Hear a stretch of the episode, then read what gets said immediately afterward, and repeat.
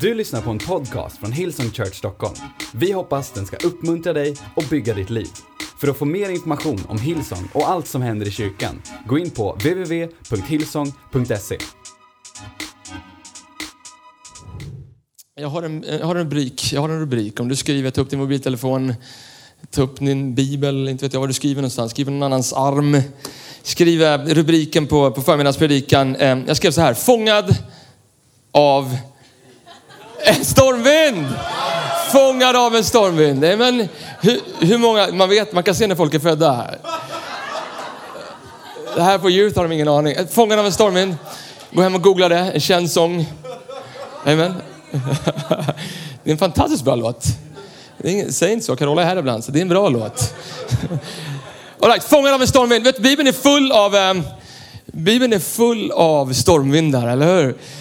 Bibeln är full av berättelser om människor som hamnar i en storm. Du kan läsa om Jona i gamla testamentet, du kan läsa om Paulus i nya testamentet, men du kan också läsa om Petrus på flera ställen. Han hamnar i stormar. Men idag ska vi läsa om en storm där, där männens man eh, var med. Jesus Kristus, våran frälsare, var med i en storm. Jag vill bara säga, bara ge lite kort feedback till dig medan du slår upp eh, Lukas kapitel 8. Lukas kapitel 8, vers 22.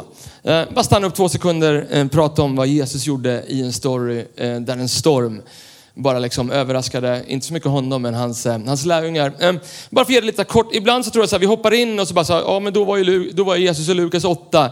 Nej, Jesus var inte Lukas 8, alltså för det var inte ens skriven. Den skrevs ju efterhand. Men eh, eh, ibland så måste vi ta reda på vart vi är. Jag, eh, jag, det här blir ingen predikan om Israel. Eh, men, eh, men jag var i Israel här om veckan faktiskt med ett team för första gången. Och alla ni som har varit i Israel, ni vet vad jag pratade om första gången jag var där. Det var, he- var helt mindblowing att vara i Jerusalem och stå på Livberget och vara på Golgata. Eh, I Israel så finns det också en sjö som heter Genesarets sjö.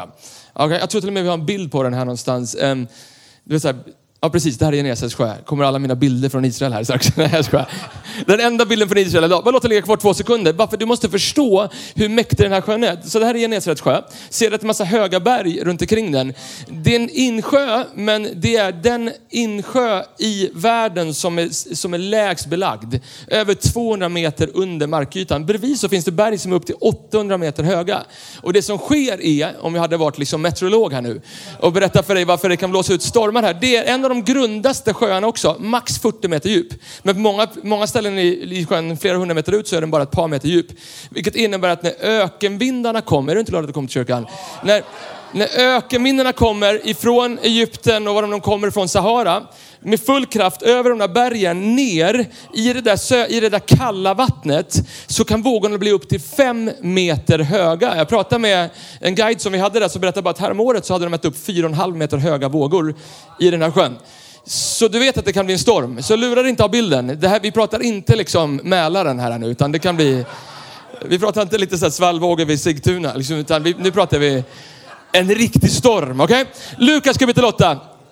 Lukas kapitel 8. En dag steg Jesus i en båt tillsammans med sina lärjungar och han sa till dem, låt oss fara över till andra sidan sjön. Kom ihåg det.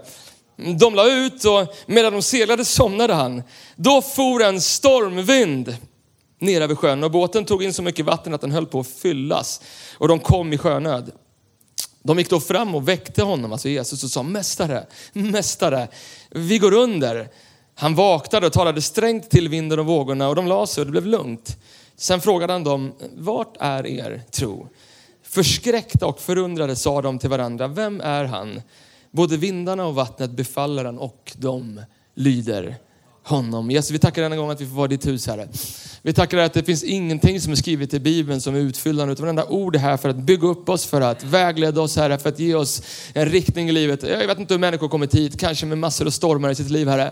Jag ber att när de går härifrån med en halvtimme, 45 minuter, Herre, så skulle du ha stillat de stormarna. Inte för att en man från Stockholm city kom hit, utan för att Jesus Kristus, Herre, att du rörde vid människors hjärtan, Herre. Oavsett hur vi kommit hit, oavsett vad vi förstår, oavsett vilken storm vi är inne i, Herre. Även om vi inte ens förstår, Herre, varför ehm, det finns sötlakrits sen gått och blandat på sig. Eller varför den här tjejen vi bjudit ut 15-20 gånger säger nej heller. Varför Zlatan inte spelar i svenska landslaget fortfarande så väljer vi att lita på dig. I Jesu namn vi ber och allt folket sa. Allt folket sa. Amen. Fångad av en stormvind. Eh, har du någon gång varit ute i en storm någon gång? Jag pratar en riktig storm, inte, alltså då, inte lite så att du går så här på Sveriges torg och du känner liksom att ditt paraply blåste iväg, utan du är ute på öppet hav. Jag kan säga att jag har varit med om ett par stormar. Jag har respekt för vattnet. Alltså. Jag var, eh, för ett antal år sedan, många år sedan, 20 år sedan, så seglade vi från Gotland till Öland och, eh, med mina föräldrar och vi hade liksom en 11 meter stor segelbåt. Det var helt stiltje, det var lugnt. Ni som seglar, det gör ni här i norra, jag vet, jag åker motorbåt. Vi hade liksom den stora Genoa-ettan, ni vet vad jag pratar om. Det är den största focken. Storseglet var uppe, liksom. det var så här fika, sockerkaka och helt plötsligt, liksom, från ingenstans så bara bam sa det, så blåste det upp. Och det blåste upp så mycket så att det inte ens gick att liksom så här, knappt styra båten. Ni som seglar, ni vet att man måste styra upp mot stormen för att, för att liksom, seglarna ska börja fladdra så du kan få ner den. Jag kan säga att de kvart, 20 minuterna innan liksom, vi fick kontroll på den här segelbåten, den bara guppade överallt. Jag har aldrig varit så rädd i hela mitt liv. Tills jag träffade Mackans hund. Men, alltså, men, men samma känsla. Samma känsla. Eh, jag fick respekt för stormen, men jag inser att stormen i, i, liksom i Bibeln som vi läser om här, det är ju egentligen en bild på liksom stormar i ditt och mitt liv. Kanske finansiella stormar, kanske relationella stormar, kanske stormar i någons äktenskap. Kanske stormar i, liksom, i, no, i någon som har massa barn här som inte kommer till kyrkan eller är på väg fel. Kanske är det storm att du har fått ett sjukdomsbesked. Kanske är det en storm att du har förlorat någon nära. Kanske är det någon som har fått ett cancerbesked. I don't know. Kanske är det att du liksom har bett Gud om någonting och han inte har svarat dig. Och jag inser att den predikan är, som jag ska predika nu, den är till dig. Eller du som vet vad, du kanske inte är i en storm just nu, får jag uppmuntra dig med att även fast det känns som att det är stiltje, så kommer det börja storma igen. Vem var det som lärde oss att så att om vi bara tar emot Jesus så kommer det aldrig mer storma? Vart står det? Vart står det? Den jag läser om att när de, när de börjar följa Jesus, det var då det började storma. De här männen, de var fiskare. Mer än hälften av lärjungarna vet vi bevisligen, de var fiskare. De var inte, så här, de var inte ovana på sjön. Det här var deras, du vet, Genesarets sjö, det var deras backyard. Det var där de växte upp. De, de, de har varit med om ett antal stormar, så du vet om de är livrädda, då stormar det. Och det var när de gick med Jesus, inte innan de gick med Jesus som det började storma, eller hur? Så till dig här inne som inte är i en storm, får jag uppmuntra dig med att den dagen du, du hamnar i en storm, bara ta upp den här, den här um, predikan. Du ska få några punkter av mig. Um, se hur många vi hinner med, fem, sex stycken. Punkt nummer ett om du skriver. I, I stormen vill Gud forma oss. I stormen vill Gud forma oss. Eh, ibland när det blåser i vårt liv så, så det första som vi gör eh, är att vi försöker springa bort från det som blåser. Och vi ber att Gud, Gud ta bort mig från den här stormen. Åh, djävulen har menat den här stormen, djävulen har kommit hit med en storm. Men tänk fall det är så att det inte är djävulen som alltid kommer med en storm, utan Gud som vill forma dig och mig. Jag läser Bibeln flera ställen. Första gången Jesus, innan han ska gå ut i sitt ministry, så står det att anden, inte djävulen, anden ledde honom ut i öknen. Och där stormade det kan jag säga, 40 dagar. Men det var anden och, och vad hände där i öknen? Gud formade Jesus Kristus. Och på samma sätt så tror jag att Gud vill forma dig och mig i i stormen, om vi vet hur vi ska göra med det. Jag tror att ibland är det motgångar och stormar som formar oss mer än någonting annat. Jag läste, jag såg på tv den här tsunamin som var, var det igår eller? I Indonesien. Om man blir påmind liksom, om, om liksom när tsunamin hit, var det 2004 eller vad det var. Och, och jag tycker det var så intressant, i alla fall då när, jag, när, man, liksom, när man läste om tsunamin, hur liksom, de här vågorna de, liksom, de bara svepte med sig allting. Hus, byggnader, bilar, allting. Vet du vad det enda som stod kvar var? Palmerna. Palmerna, de, vet, de vekte så här. 90 grader, är det 90 grader? Ja det är det. Och så upp igen.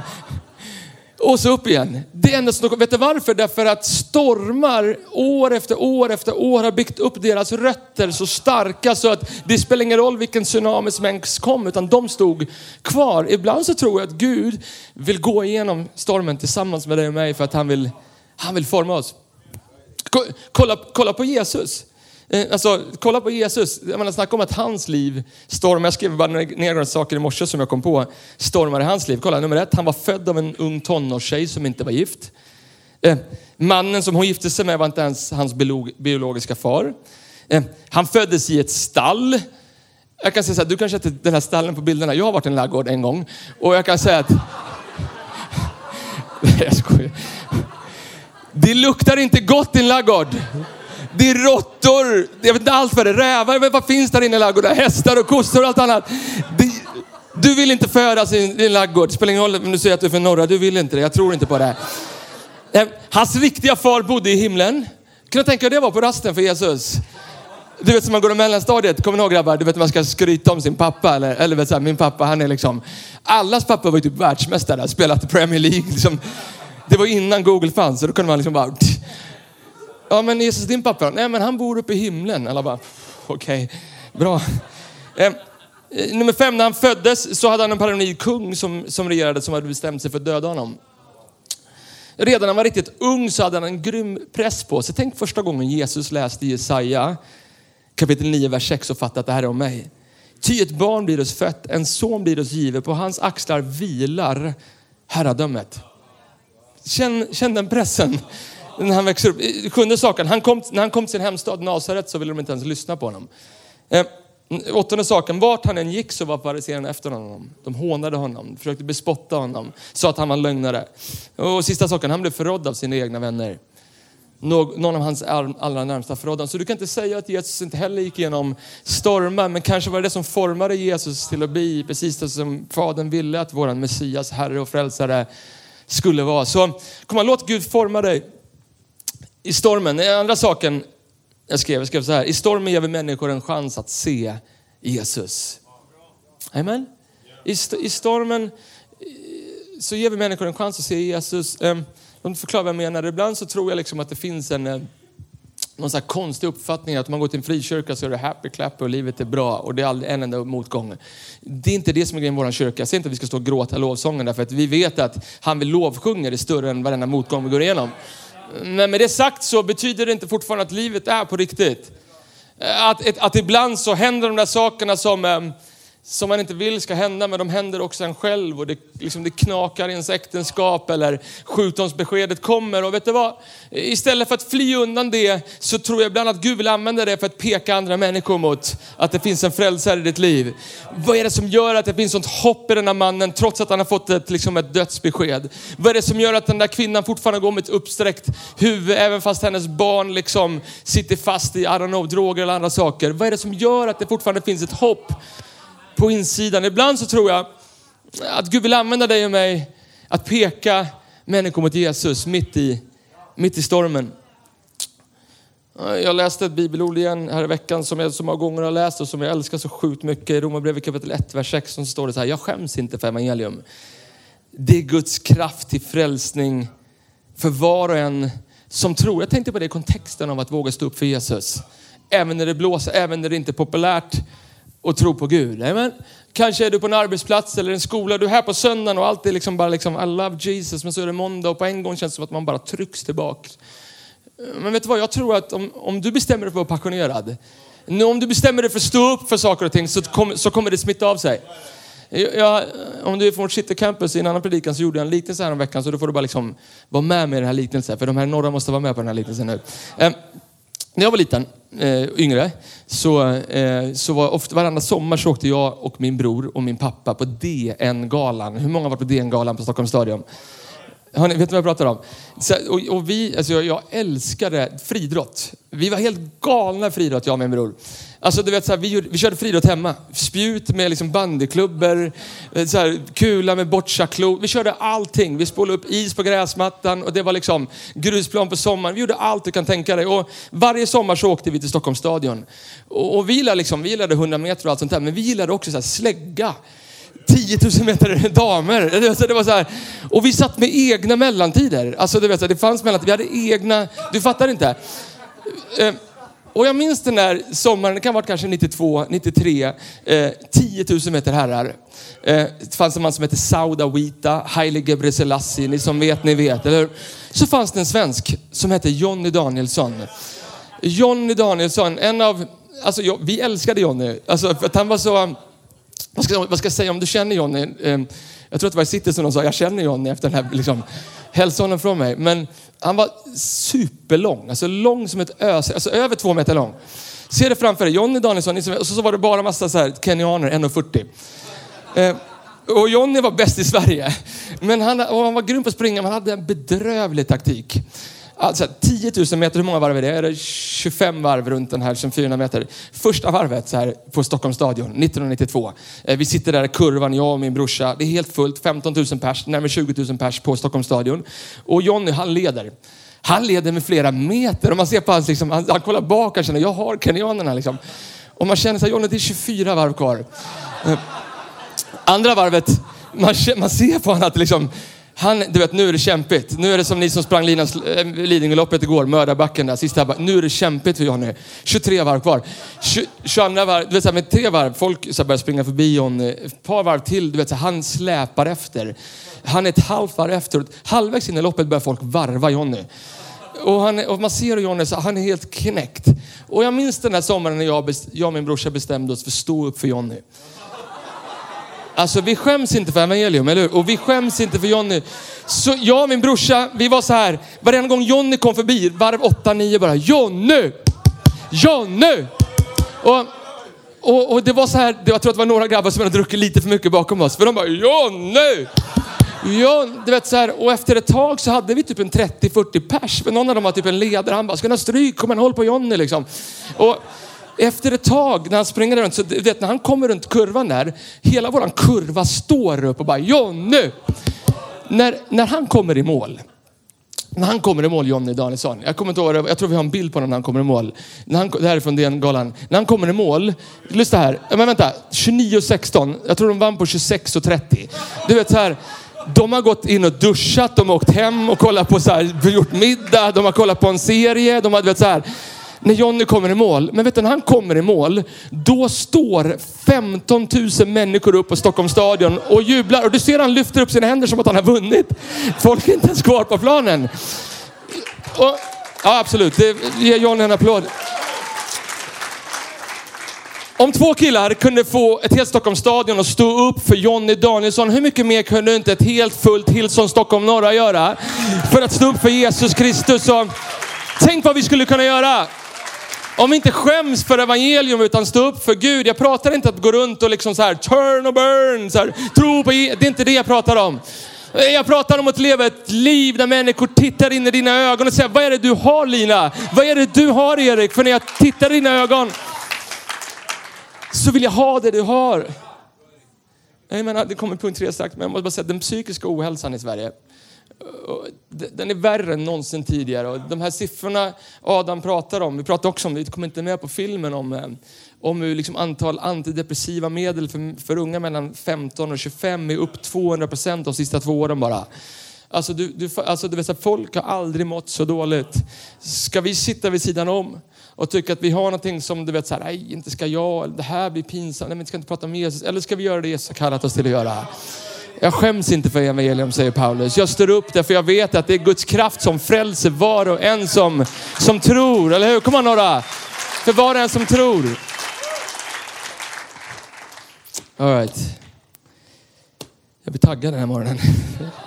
Okej, punkt nummer tre. Lita inte på vad du ser utan på vad Gud sagt. Eh, I en storm, lita inte på vad du ser utan på vad Gud redan sagt. Gå tillbaka till vers 22. Vi läser precis. En dag steg Jesus i en båt tillsammans med sina lärjungar. Och han sa till dem, lyssna här är hela nyckelversen. Om lärjungarna hade lyssnat på det här, då hade de inte behövt vara rädda. För om Jesus har sagt någonting så blir det så. Lyssna, vad säger han? Låt oss fara över till andra sidan sjön. Hur många vet att om Jesus säger att vi ska åka till andra sidan, hur många vet att vi kommer komma till andra sidan? Amen. Det, det, Gud, Gud är ett med sitt ord. I begynnelsen var ordet, ordet var Gud, ordet var Gud, säger Johannes 1. Ordet blev kött, alltså Jesus, och bodde bland dem. Det betyder att det Jesus säger så blir det. Om man säger mörkt så blir det mörkt. Och om man säger att alltså, den här är gul nu, men om man kommer hit och säger så här, nej den är röd. Samma sekund som man säger röd så blir den röd. Gud är ett med sitt ord. Han kan, han kan inte ljuga. Så han, kan, han är bara, så om Gud har sagt det så kommer det ske. Om Gud har sagt det så, så kommer det ske. Och om det är mörkt ibland så tror jag att vi så här, du vet så här, ibland när, när stormen kommer emot oss så är det inte konstigt hur lätt vi glömmer bort allt det där som Gud redan har sagt till oss. Men tänk för det är så att du som inte är i en storm, tänk för det är så att Gud vill tala till dig redan den här förmiddagen för att den dagen du hamnar i en storm så ska du komma ihåg vad Gud redan har, har sagt till dig. Vad Gud redan har sagt till dig. Jag Jag har en annan rätt grym bild, tycker jag i alla fall, på, på liksom hur, hur vi borde fokusera på vad vi hör och inte vad vi ser. Min son, eh, vår son, vår äldste son Adrian som jag pratade om, han har glasögon. Det tog ett tag innan vi fattade att han såg dåligt. Eh, Det var ganska tydliga tecken. Han stod en sån här bit från tvn eh, hela tiden. Jag tänkte, det är kanske så de kollar liksom, när de är tre och ett halvt år. Eh, och så fick han på sig sina glasögon. Jag tänkte, vi- åkte dit till en optiker och de visade sig att han var typ halvt blind på höger ögat. Han såg typ ingenting. Alltså, ja det är lugnt med honom, det är ingen fara. Men, eh, och så åkte vi till opti, Jag tänkte, jag och min fru, vi pratade, vi måste göra, vi måste bara muta honom. Vad som helst. Du vet så här, Xbox-spel, fri godis. Du vet, han bara måste ha de här glasögonen nu. För att om han inte har dem så kommer hans bara eh, syn bli sämre och sämre och sämre. Ni som har barn som har dålig syn, ni vet vad jag pratar om. Eh, Men jag minns första gången han fick på sig sina glasögon utanför liksom den här glasögonbutiken på Götgatan. Han bara liksom... Han bara, Pappa, jag vill alltid ha glasögon. Och, och så gick liksom tiden, ni som har barn, du vet så här, de där jag vet inte hur många glasögon vi har bytt de sista fyra åren. Och hur många glasögon har försvunnit och någon, folk har lånat hem dem. Du vet så här, man hittar dem i sandlådan på dagis, i skolan, överallt. Så vi vet så här, en, dag, du vet så här, en dag när jag kom till honom, får jag låna dina Magnus? Ska jag visa dem va? En dag när jag kom och hämtade honom på skolan så hängde glasögonen liksom, så här hänger de. Och jag tänkte, de, de var helt fel, så jag åkte till optikern, du ser dem inte nu. Jo, de hängde så här, han fick inte upp dem. Men han såg ut som en gammal gubbe gick han runt så här. Inte Magnus, men så här gick han runt. Och så sa vi måste gå, vi måste gå och fixa hans glasögon. Och jag går till optiken. Ja, titta. okej. Jag går till optiken och jag bara säger att det är, något, det är någonting fel här. Vi måste fixa de här. Alltså det, alltså de, de åker ner på näsan. Hon bara, ja jag tar de här bara inte ska bara fixa. Så börjar hon kolla här bakom. På öronnäsan. Nej nej nej. För Jag går liksom in bakom disken bara. Alltså, du hörde något fel. Det är fel här. Alltså de åker ner på näsan. Det är fel här. Hon bara, gå, gå tillbaka. Ställ dig bakom disken. Ehm, och jag står där bakom disken och håller på flera minuter, känns som flera timmar, med så här, här bak. Och sen så jag bara säger, jag ropar till henne så här, "Hallå, det, är här det, det, det är inte öronen, det är här vid ögonen som det är problem. Och sen när hon är färdig så säger de bara så, hon tittar inte ens på mig. Hon bara, Adrian, så jag liksom kallar till honom. Och så får han sätta på sig dem och de sitter som en smäck. Alltså han, vet, han headbangar, det händer ingenting. Varför så säger hon någonting till mig som blev så här sjuk påminnelse för mig faktiskt. Magnus får bara lita på det, han ser ingenting nu. Hon sa så här, hemligheten är bakom öronen. Och jag tänkte så här, när jag, och liksom, det, bara, det högg till i mitt hjärta, för jag tänkte så här, det är ju precis så det är med Gud också. Hemligheten är ju det vi vet att Gud säger till oss. Inte det vi ser. Det är därför Paulus säger, jag fäster inte min blick på det synliga, Anna utan på det osynliga. Amen. Tack Magnus. Några av oss behöver fokusera lite mer på vad vi har hört att Gud talar till oss istället för vad vi ser. Så vad säger Gud? Ja, men vi har inte tid att läsa allting för det, men lyssna vad han säger till någon här inne. Romarbrevet 8.38. Att du jag är viss om att varken död eller liv, varken änglar eller första, varken något som nu är eller något som ska komma, varken makt eller höjd eller djup eller något annat, alltså inklusive varenda storm, ska kunna skilja oss från Guds kärlek i Kristus Jesus, våran Herre. All right. Så lita inte på vad du ser utan på vad Gud har sagt. Punkt nummer fyra. Eh, I stormen, håll blicken fäst på Jesus. I stormen, håll blicken fäst på Jesus. Om, jag tänker så här, om lärjungarna i Lukas kapitel 8 först hade lyssnat på vad han sa i vers 22, men om de missade vad han sa då, då så kunde de i alla fall haft blicken fäst på Jesus. För att om vi tittar på Jesus så kan vi titta på hur vi ska agera, eller hur? Vad gjorde Jesus? Han låg och sov. Mm, varför låg han och sov? Ja, ganska praktiskt tror jag. Om du läser Lukas 6 och 7 så har han varit ganska busy. Han har varit ute och liksom, han, hans, hans ministry håller på att pika här nu. Så att han är rätt sliten. Jag tror han är trött. Jag bara tror att på riktigt att han behöver sova för han ska snart göra tjänst igen. Och eh, I nästa kapitel ska han, ska han hela Jairus dotter och kvinnan med blödarsjuka. Han har massor med grejer framför sig. Eh, Och alldeles strax ska han ge sitt liv också på ett kors. Han behöver liksom vila lite grann. Men jag tror att det är en bild på, på hur Gud också vill att vi ska vara. Eh, och mitt i din storm, titta på Jesus. Är det inte lite grann som typ så här om man flyger, om du flyger, bara ta en annan lite, om du flyger ett flygplan. Ni vet vad jag pratar om. Eh, om man flyger ett flygplan och det börjar bli turbulens. Vad är det första man gör? Ja, men säkerhetsbältet absolut. Men man kollar på flygvärdinnorna, eller hur? Det är det första jag gör i alla fall. Är det så här, i flygvärdinnan fortsätter de bara så här, man känner så att de fortsätter hälla upp cola liksom och det är lugnt. Då är det lugnt, eller hur? Men om flygvärdinnan börjar springa runt och leta efter fallskärmar och grejer, alltså då...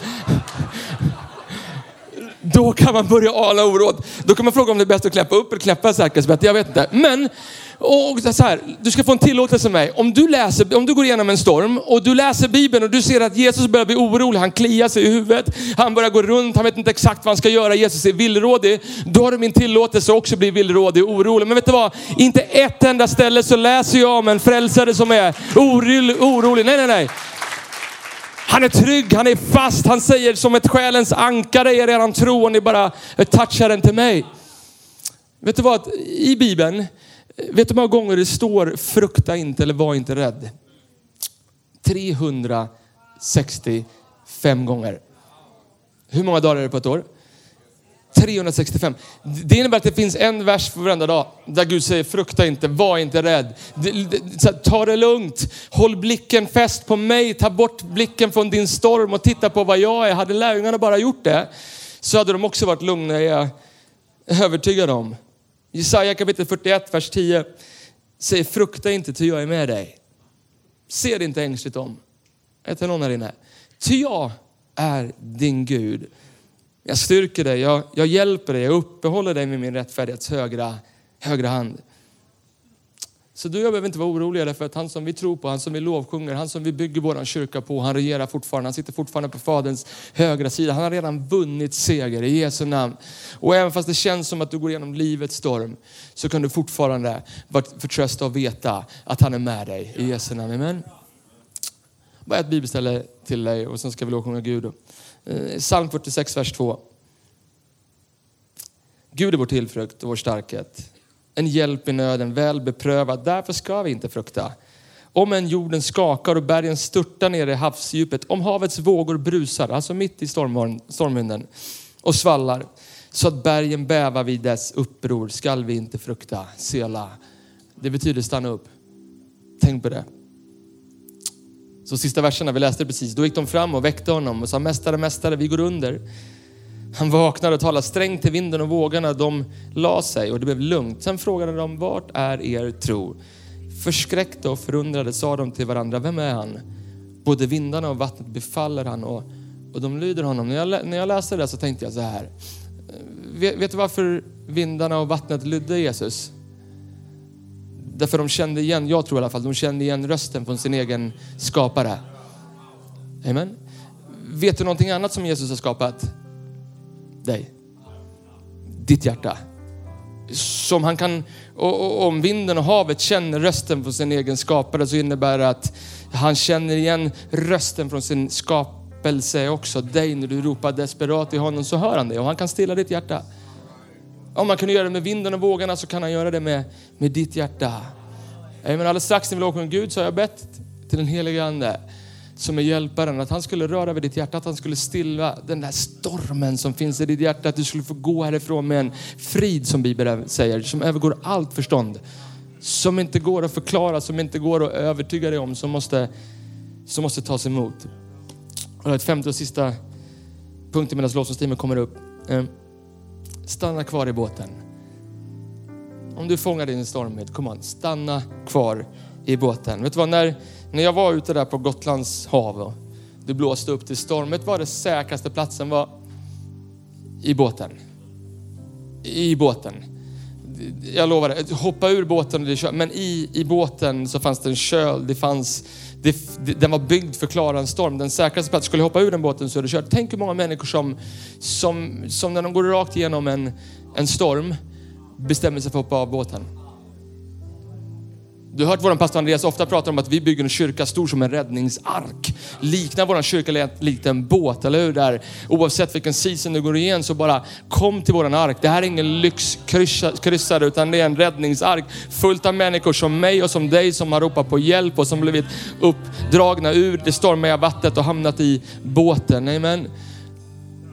Och kanske har du gått igenom stormar och Faktum är kanske, kanske känner du någon som har gjort det som inte ens är här just nu. Därför att de hoppade av båten när det stormade här. Min vän får jag vädja till dig, inte för våran skull, inte för Hillsons skull, för din skull. Stanna kvar i båten. Stanna kvar i båten. Egentligen det enda lärjungarna gjorde rätt i det här stället. De gjorde så mycket fel. De lyssnade inte på Jesus, de blev rädda. Det enda de gjorde rätt, vet du vad det var? De stannade kvar i båten. De hoppade inte ur båten de stannade kvar i båten och jag upplevde när jag förberedde mig att jag kom hit för att berätta för någon den här förmiddagen att lyssna, Gud vill att du ska stanna kvar i båten. Och när du stannar kvar, även fast du inte förstår, så kommer Gud göra ett mirakel i ditt liv. Amen. Många av de gångerna jag har fått jag har fått bestämma mig för att stanna kvar i båten även fast allting liksom stormar och det känns som att jag bara vill hoppa av för jag tänker att det kanske är enklare. Men så vet jag fortfarande om jag bara stannar kvar så är han som har påbörjat ett gott verk i mig, han är mäktig och fullbordar det har han sagt till mig. Även fast det inte ser ut som det så har jag hört det och jag vet det så jag väljer att, att lita på det. I Jesu namn, kom ska vi stå upp tillsammans.